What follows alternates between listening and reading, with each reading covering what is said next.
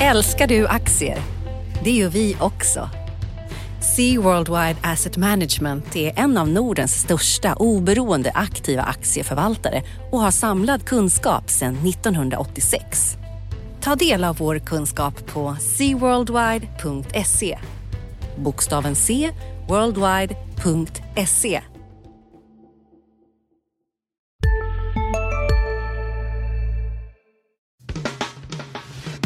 Analyspodden från Dagens Industri. Hej allihopa! Välkomna till ett nytt avsnitt av Analyspodden, Dagens Industris eh, podd där vi pratar börs och finans och reder ut vad som har hänt och vad som eh, kommer att hända förhoppningsvis idag med mig bakom en mikrofon, Martin Blomgren och på andra sidan telefonlinjen den här gången så har jag Magnus Dagel. God förmiddag! God förmiddag! Ska vi kort bara summera veckan så kan man väl säga att börsen fortsätter puttra på, lite upp och lite ner, ganska små rörelser. Eh, och de starka rapporterna fortsätter komma in. Eh, och i veckan hade vi ett stort uppslag där vi hade samlat ihop våra eh, aktieanalytiker och där vi fick ge vår syn på, på det här året. Och det visade sig att både du och jag hade vad man väl får säga en försiktigt positiv syn på börsen. Eh, 0 till 5 procent fram till årsskiftet i det här eh, guestimatet som, som Mm. vi skulle ge då. Vad, eh, Ja. vad säger du? Vad, vad är viktigast för att den försiktiga men positiva prognosen ska infrias? Ja, men när du säger så positivt, jag känner mig faktiskt lite orolig då för börsen. Men eh, jag tycker värderingarna är generellt höga. Det är svårt att hitta prisvärda aktier, kan jag tycka ändå. Även om det, vi, får, en- vi har en stark börs, hög riskaptit där och det var starka rapporter. Men, men ja, du fick det att låta som jag var lite mer positiv än vad jag är där. Ja, nej, men 0 till 5 procent är ju inte någon, någon HÅS-prognos på något sätt, men givet Nej. värderingarna så, så håller jag med att det är, man vill ju inte att någonting obra ska hända här, för då, då, är det, då blir det svettigt när det är höga P-tal och höga förväntningar på att tillväxten, vinsttillväxten ska komma igång. Ja, precis som du skrev där. Jag tyckte det var bra. Jag menar, när, när värderingarna är uppdrivna så blir fallhöjden större också. Ja, Och så är det. Och nu är vi inne på trots allt sjätte året i rad med börsuppgång och då tenderar ju något oväntat hända. mm. Är min erfarenhet i varje fall, eh, när det har gått upp väldigt länge. Så man, någonting man inte kan eh, överblicka helt enkelt. Eh, men som sagt, nu är det starkt. Börsen, rapporterna har varit väldigt bra eh, och eh, börsen tickar upp. Det som är oväntat som kan hända, men som kan vara oväntat bra, det är ju faktiskt att, att investeringskonjunkturen kommer igång. För att eh, det har vi inte Ja. sett på många år, utan den tillväxt som har funnits, eller knappt har funnits, det har ju berott på att räntorna är låga och konsumtionen hålls uppe. Det har ju inte berott på att de stora industribolagen har vågat starta nya projekt eller eh, dra på med efterfrågan. Och om, om det nu var det som hände i första kvartalet eller om det var för många stjärnor som stod rätt med lagerpåfyllnad och, och bra, eh, dåliga jämförelsetal som gav ett bra utfall återstår väl att se. Men, men eh, om man är optimist i alla fall så kan man ju ta fasta på dels då att rapporten har varit väldigt mycket bättre än, än väntat jämfört med ett svagt kvartal återigen. Men, men andelen som har varit bättre än väntat är ju det, det bästa på väldigt många år. Och att det då har varit en ganska samstämmig uppgång i efterfrågan, inte minst på där det börjar vakna till på investeringsvaror. Så att, Mm. eh, Men Det- så har det varit. om, om vi skulle vara mycket- för pessimistiska så, så skulle jag säga att då kommer det förmodligen bero på det, att, att man underskattar kraften i den här uppgången när, när industribolagen får, eh, kan fylla upp sina fabriker och det trillar ner på vinster som blir eh, klart bättre än vad man hade vågat hoppas på. Det såg man ju i första kvartalet här att det blev en enormt stor hävstång i resultatet när efterfrågan förbättras och kostnaderna är trimmade. Mm. Eller hur? Att man får en ordentlig hävstång där. Ja, precis. Alla bolag har ju behövt trimma och putsa för att kunna hålla marginalerna uppe under de här eh, bleka åren och när det nu trillar ner ordentligt med, med tillväxt, om man inte behöver anställa i första skedet och man kan börja ta varor som man har på lagret så blir det ju en enormt positiv effekt först och sen så blir ju nästa fas då att man måste, man måste kunna höja priserna och för att kompensera då, och man måste kunna anställa för att kunna eh, leva upp till den höga efterfrågan och då kommer ju kostnaderna och inflationen att, ta fart normalt sett i en, i en konjunkturuppgång. Så att lite grann skulle jag säga att det är frågan om vi är i 2005 års läge där man är då i början på att det kommer igång stora investeringar eller om vi är närmare 2007 där man, där man var i slutet på en, eh, en konjunkturuppgång och, och sen vet vi ju alla vad som hände med finanskris mm. och, eh, och allt elände. Men, eh, Men det känns väl som att kanske aktiekurserna är på 2007 års nivå men efterfrågan kanske är på 2005 års nivå. Ja, men så är det nu. Man tar inte ut ja. att vi är på 2007 i aktiekursen, utan man tar kanske ut att vi är i 2005 eller 2006, där det finns ja. mer kvar. Och, och, det måste ju till för att det ska hålla uppe det här, för att P talen på de verkstadsbolagen är ju på 20 plus i många fall. Och... Ja, ja. Och ännu, jag brukar titta på direktavkastningen på de här bolagen. Det, det tycker jag bra signal och där ser man att den är nedkörd i botten på mm. många fall. Men Sandviks, Sandviks direktavkastning har pressats ner till 1,8 procent på grund av kursuppgången, så det är väldigt historiskt väldigt låga nivåer. Ja, det vill till att, att vinsttillväxten infrias, inte bara för det här året, för att börsen försöker ju blicka ett halvår, ett år framåt och, och misstänker man att det vänder ner redan nästa år eller i början på nästa år så, så kommer man inte orka hålla i den här uppgången länge igen. Men jag skulle säga att på ett halvårs sikt, ett kvartals sikt, är det svårt att se vad som skulle vara triggern som fick fick det att vända ner ordentligt. Eh, det finns ju alltid orosmoln, Kina och, och så vidare, men nu är franska valet är i princip avklarat. Eh, rapporterna är starka, de flesta bolag har flaggat för bra andra kvartal. Eh, centralbankerna går ändå försiktigt fram. Så att liksom, klimatet som börsbolagen lever i kommer vara ganska gott här under ett, två kvartal framåt om det inte något helt oväntat händer. Så att, men det är sällan det, det oväntade, alltså det, det som är diskonterat eller det, det som man kan trigger som man kan se brukar ju sällan vara det som bryter börsen utan det är ju oväntade saker som man aldrig kan förutse som brukar trigga en börsnedgång. Så kan det säkert bli den här gången också, att det händer något oväntat helt enkelt. Exakt, the unknown som yes. Donald Rumsfeld sa en gång i tiden. Om vi ska bena oss ner på lite bolagsnivå sådär så det har kommit en del bolag, men jag tror varken du eller jag har hållit på så mycket med bolagsbevakning den här veckan, utan vi har haft andra, andra ja. pjäser som ni kommer få se mer av nästa vecka. Men, eh, nästa vecka blir det mycket. Men du tittade på D. Carnegie vet jag, som, som var veckans aktie den här veckan och berättade. Det var i måndags, ja. Precis. Ja, precis. Varför, varför är den köpvärd om du ska summera den räcken? Ja, den, den, har ju gått upp mycket i veckan. Då. Dels blev den community index och sen gick den upp rätt mycket på vår rekommendation. Då. Eh, så den, den har ju gått upp mycket i veckan. Men, eh, det jag skrev om då och det jag såg om där, det är att det är en väldigt intressant affärsmodell som de har, att de renoverar eh, miljonprogrammen i, i Stockholm. Då. Eh, och, eh, allmännyttan har ju försökt att renovera där under många, många år, eh, men inte lyckats. Och nu har ju privata aktörer som det, det Carnegie och Victoria Park tagit över det och renoverar där. Och det använder en, en renoveringsmodell som man renoverar varje bostad för sig eh, när det blir en utflyttning.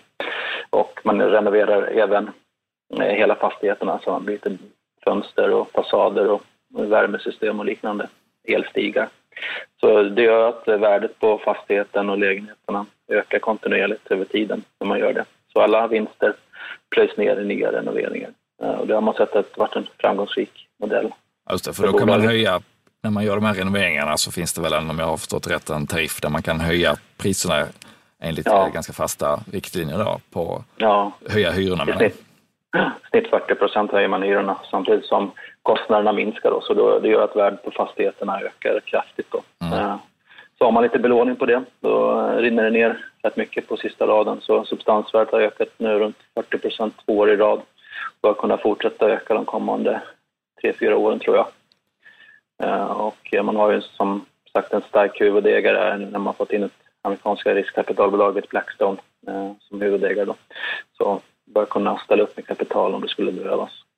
Men du, när de här aktierna, Victoria Park och eh, D. det Carnegie började ta fart på börsen så var det mycket snack om att jo, jo men det, det är ju en riskfylld affärsmodell och det är kanske hyresgäster som inte, inte kan betala om det blir lite tuffa tider. Men, eh, men den risken har lite grann, eh, man tittar inte lika mycket på den risken. Är det befogat tror du? Eller? Ja, till viss del är det väl det. Jag räknade baklänges här och om man tittar på deras snitthyra som är när de har renoverat då, Eh, så är det ungefär 9 000, per, 9 000 eh, i månaden för en trea på 77 kvadrat. Eh, Jag tror många klarar av att betala det faktiskt. Och det finns nog många som, som, som kan klara av det. Mm. Men däremot är det mera osäkert på de här det är ny, nyproduktion som byggts runt om i Stockholm och på övriga större orter där hyrorna är över 20 000 per månad, alltså 25 000 ibland. Det, där tror jag efterfrågan är betydligt mindre. Där finns det en risk på sikt. Men just på de här där hyrorna är, trots allt är lägre fortfarande, eh, tror jag ändå risken lite mindre. Mm. Och de flesta hyresgäster har eh, fast arbete och är kontrollerade innan de, de får uh, hyra, eller? Ja, det är väl förhoppningsvis är det väl så. Det vet man inte riktigt. Det är så väldigt svårt för bolagen att kunna kontrollera sina mm. hyresgäster på det sättet. Bra, ja, det lär, så länge det är en allmänt bra marknad så, så lär den affärsmodellen kunna eh, bita bra, får man anta. Ja, och det skrev vi om Victoria Park i veckans aktie för några, något år sedan, eller två år sedan. Det var ju en av våra bästa rekommendationer någonsin. Ja, den har överträffat även mina vildaste fantasier. Då, eh, då var, det var lite grann i början på den här, eh, på den här resan som både de och det Carnegie har gjort då med eh, renoveringar av just de här utsatta områdena som mm. Eh, och då hade det sprängts en, en del bomber precis vid Victoria Parks kontor också i Malmö, så det var, liksom, de var liksom extra ifrågasatta eh, just vid det tillfället. Men, ehm, men jag, precis som du, tyckte att tittar man bortom det och man såg vilken enorm marknad det fanns att fortsätta jobba på och rulla de här renoveringsprogrammen när hyresgästerna vill och att man då har en fast prislista så man vet att byter vi dörren och byter vi det och byter vi det så kan vi höja hyrorna med det här. Hyresgästerna är förhoppningsvis nöjda för att de får en bättre, en bättre lägenhet och, eh, och det blir stor eh, utveckling på substansvärdet så, så tyckte jag de såg billiga ut och de har väl tvåfaldigat sedan dess tror jag. Så att, eh. Ibland... fortfarande, jag tycker aktien är fortfarande billig. Titta på den på senare tid eller? Nej, jag har inte tittat på den så noga så jag vågar säga någonting. Jag slickar i mig berömmet av den lyckade reken mm. och jag får väl återkomma när jag tittat närmare på den en annan gång. Mm. Eh, men ett annat, ett bolag som jag tittat på i veckan lite är ICA som kom med eh, rapport och det var ju som vanligt inte jättestora avvikelser mot eh, förhandstipsen, men intressant i, i den här eh, eh, livsmedelshandelsdelen av handelssegmentet är ju att onlinehandeln verkligen börjar ta fart nu, från låga nivåer ska man säga, men, men i ICAs fall så växte deras eh, onlinehandel med 50 procent under första kvartalet. Och de har nu kopplat på 200 butiker som, som kör online och dessa har då en, avslöjar man i rapporten, en andel på 2,5 procent som är online. Det man måste hålla lite koll på här då är ju att ICA har 1300 butiker så att siffran 2,5 Sista dagarna nu på vårens stora season sale. Passa på att göra sommarfint hemma, både inne och ute och fynda till fantastiska priser. Måndagen den 6 maj avslutar vi med Kvällsöppet till 21. Välkommen till Mio. Nu släpper vi en ny podd. Expressen Dock. Einar han går in i fel gård, förstår du? Och sen där, en annan skytt jag tror kommer emot honom och, och fortsätter skjuta. Lyssna på premiäravsnittet. Mordet på Einar, det sista vittnet. Med mig, krimreporter Nina Svanberg. Hon började skrika på mig. Backa hon började säga. Så vad, vad hände? Så hon bara, han är död. Så jag bara, vad säger du för något? Så hon började skrika, han är död. Så jag sköt honom nu 21 meter. Lyssna i appen eller där poddar finns.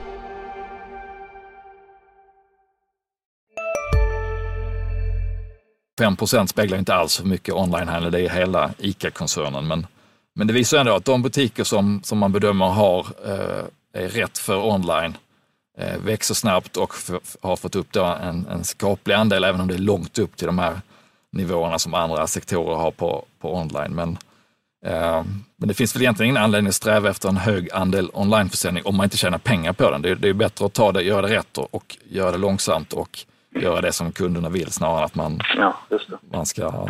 Jag menar, de här Men det har man ju sett på när man online på kläder att marginalerna är generellt väldigt låga. Mm. Uh, om, om, både man tittar på svenska onlineaktörer och utländska eh, så ser man ju att marginalerna är väldigt låga. Mm. Jag tror det är samma sak på mat på nätet. Jag, tr jag tror det också. Det är inte så många som tjänar pengar på det och, och man visar upp snabba tillväxtsiffror så kanske man blir uppköpt som Mat.se blir av Axfood då, men, men om man är Axfood eller ICA så, så, så finns det ingen anledning att visa upp hög tillväxt i ett litet område som, som inte går med vinst om det inte finns någon strategisk fördel på när man tittar längre fram. Så att därför är det ju viktigt att man gör det på, på rätt sätt, att, att man kan trumfa, trumfa en liten extern aktör med hög tillväxt. Så att, eh, i, I lagom takt och i den takt som, som kunderna vill så att man inte tappar kunder till någon extern, man har kvar dem men ändå kan, kan eh, göra bra med pengar. Det, det, är väl den vägen man måste gå och eh, eh, det ser väl ut som att de har sjösatt det här på ett ganska bra sätt i ICA, även om det finns ju inbyggt i deras eh, affärsmodell en, en potentiell konfliktyta i och med att hela ICA idag är ägt av handlarna och de handlarna som, som inte är lämpade för onlinehandel. Det finns ju en risk att de eh, tittar snett på, på eh, kompisens butik som har online och kanske börjar stjäla andelar från, från den egna butiken samtidigt som båda då är ägare i ICA och ska, ska liksom rösta för hur hela koncernen ska gå fram på det här området. Så att, eh, Mm. Har de en... Det känns väldigt delikat problem det där. Mm, det är en balansgång att få, få alla handlarna med på tåget, även de som inte har mest att vinna på, på online. Vad tycker du om ICA-aktien nu då? Du hade ju den som veckans aktie för några månader sedan. Här. Ja, men ja, den har ju också gått ganska bra och jag plockade in den i den här Estelle-portföljen som vi har, eh, som är en, en lång, väldigt långsiktig aktieportfölj där, där tanken är att det på 18 års sikt ska bli väldigt bra avkastning och eh, att pengarna ska ska prinsessan Estelle få skänka till något välgörande ändamål.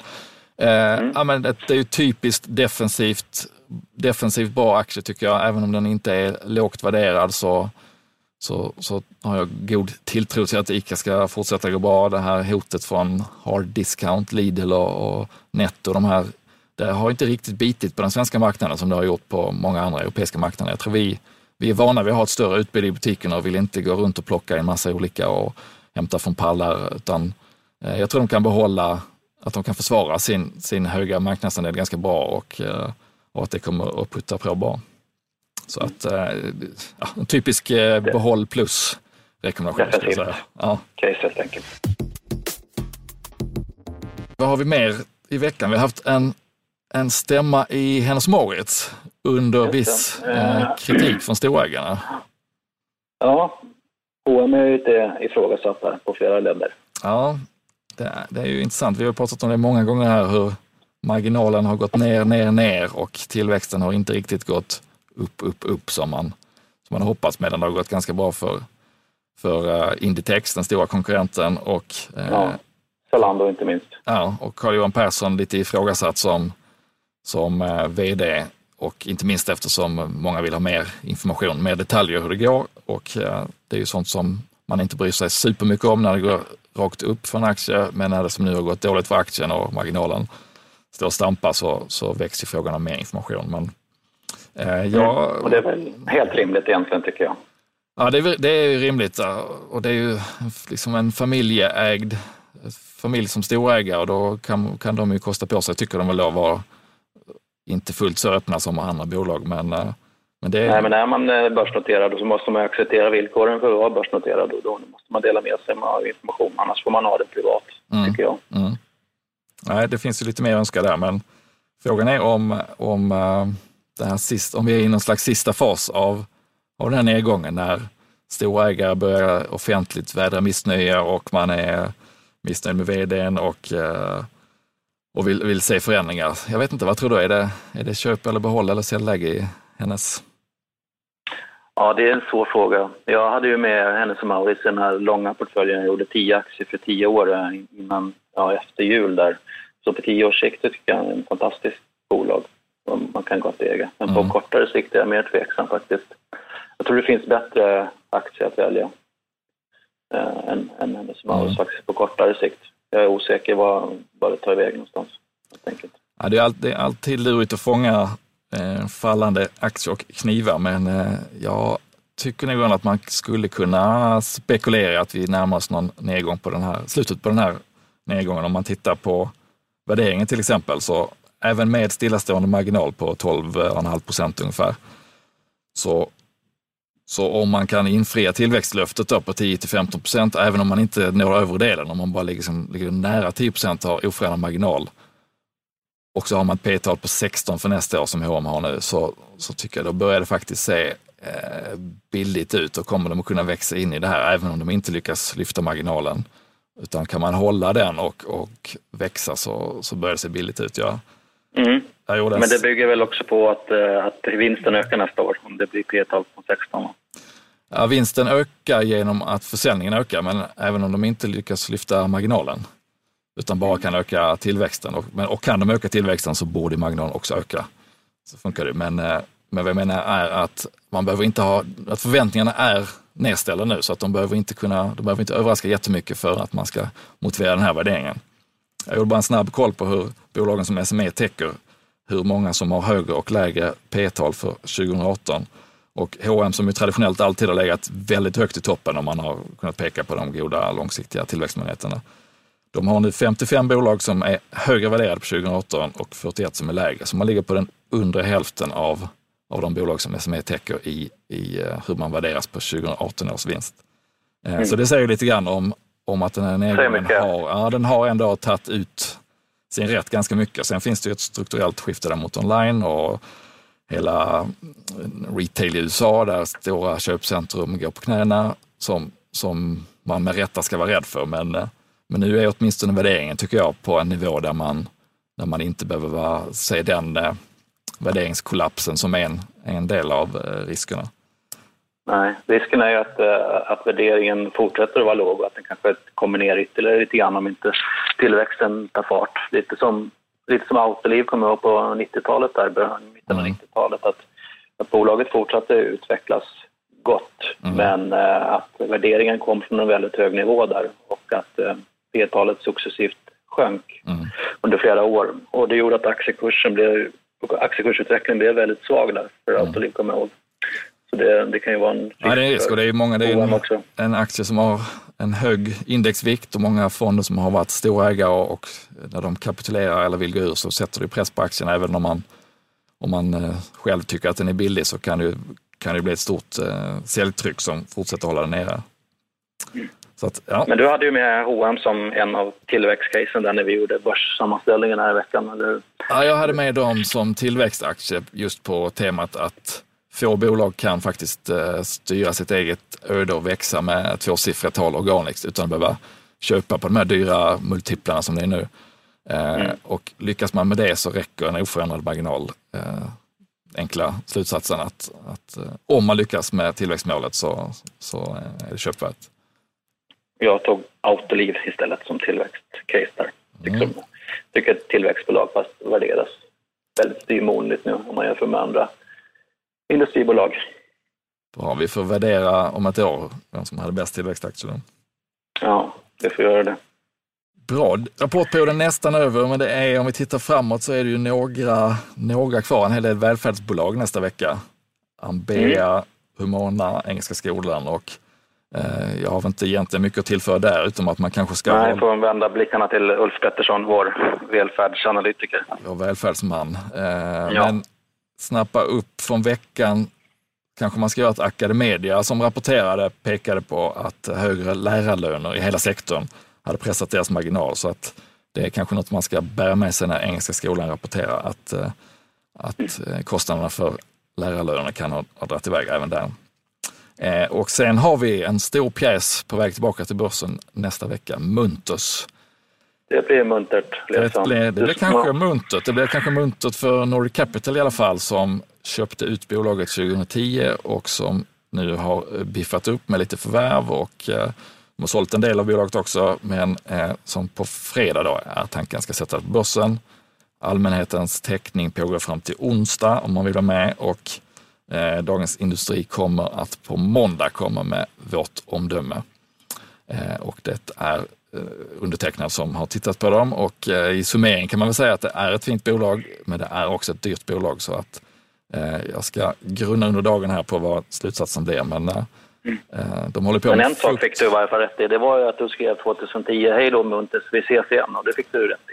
Ja, det fick jag rätt i. När de avnoterades så, så såg det ut som ett typiskt fall av ett bolag som kommer tillbaka till börsen. Riskkapitalbolag som köper ut dem, eh, Eh, skuldsätter, köper in sig i, i nya bolag så att man styr om bolaget till en, en tillväxt, eh, ett bolag med bra tillväxtpotential och, och eftersom riskkapitalbolag normalt sett har en 6, 7, 8 års ägandetid så, så borde det komma tillbaka vid, ungefär vid den här tiden och det gjorde det. De har ju förmodligen kunnat sälja det här till någon annan också men, eh, och kört dubbla spår. Men nu blir det börsnotering och det är, i sig är det kul att det kommer tillbaka bolag i den här storleksklassen, tycker jag, industribolag i eh, ska man säga, större midcap eh, med svenska mått. För det har varit ganska tunt. Det var många som köptes ut under en period och eh, det var bara de stora verkstadsbjässarna kvar. Men, men nu kommer det tillbaka mm. en del sådana här bolag. Så det är, det är kul har du tittat någonting på hur mycket Nordic Capital har tjänat under den här perioden som de köpte ut dem?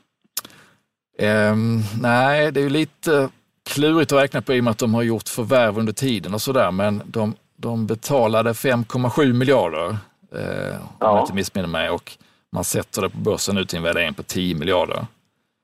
Eh, men alla transaktioner under tiden där, det har jag inte björnkoll på, för man har ju då köpt en del bolag och fått upp omsättning på det här bolaget från, eh, det var väl 3,5 miljarder ungefär när de köpte då, nu ligger de och taktar på 6,3 miljarder i omsättning. Mm.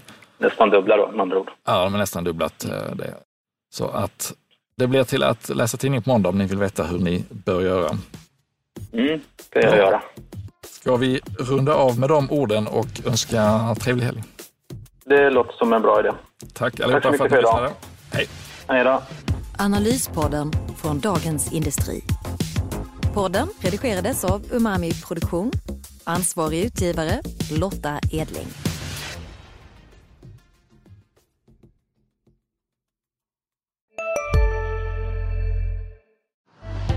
Älskar du aktier? Det gör vi också. Sea Worldwide Asset Management är en av Nordens största oberoende aktiva aktieförvaltare och har samlad kunskap sedan 1986. Ta del av vår kunskap på seaworldwide.se.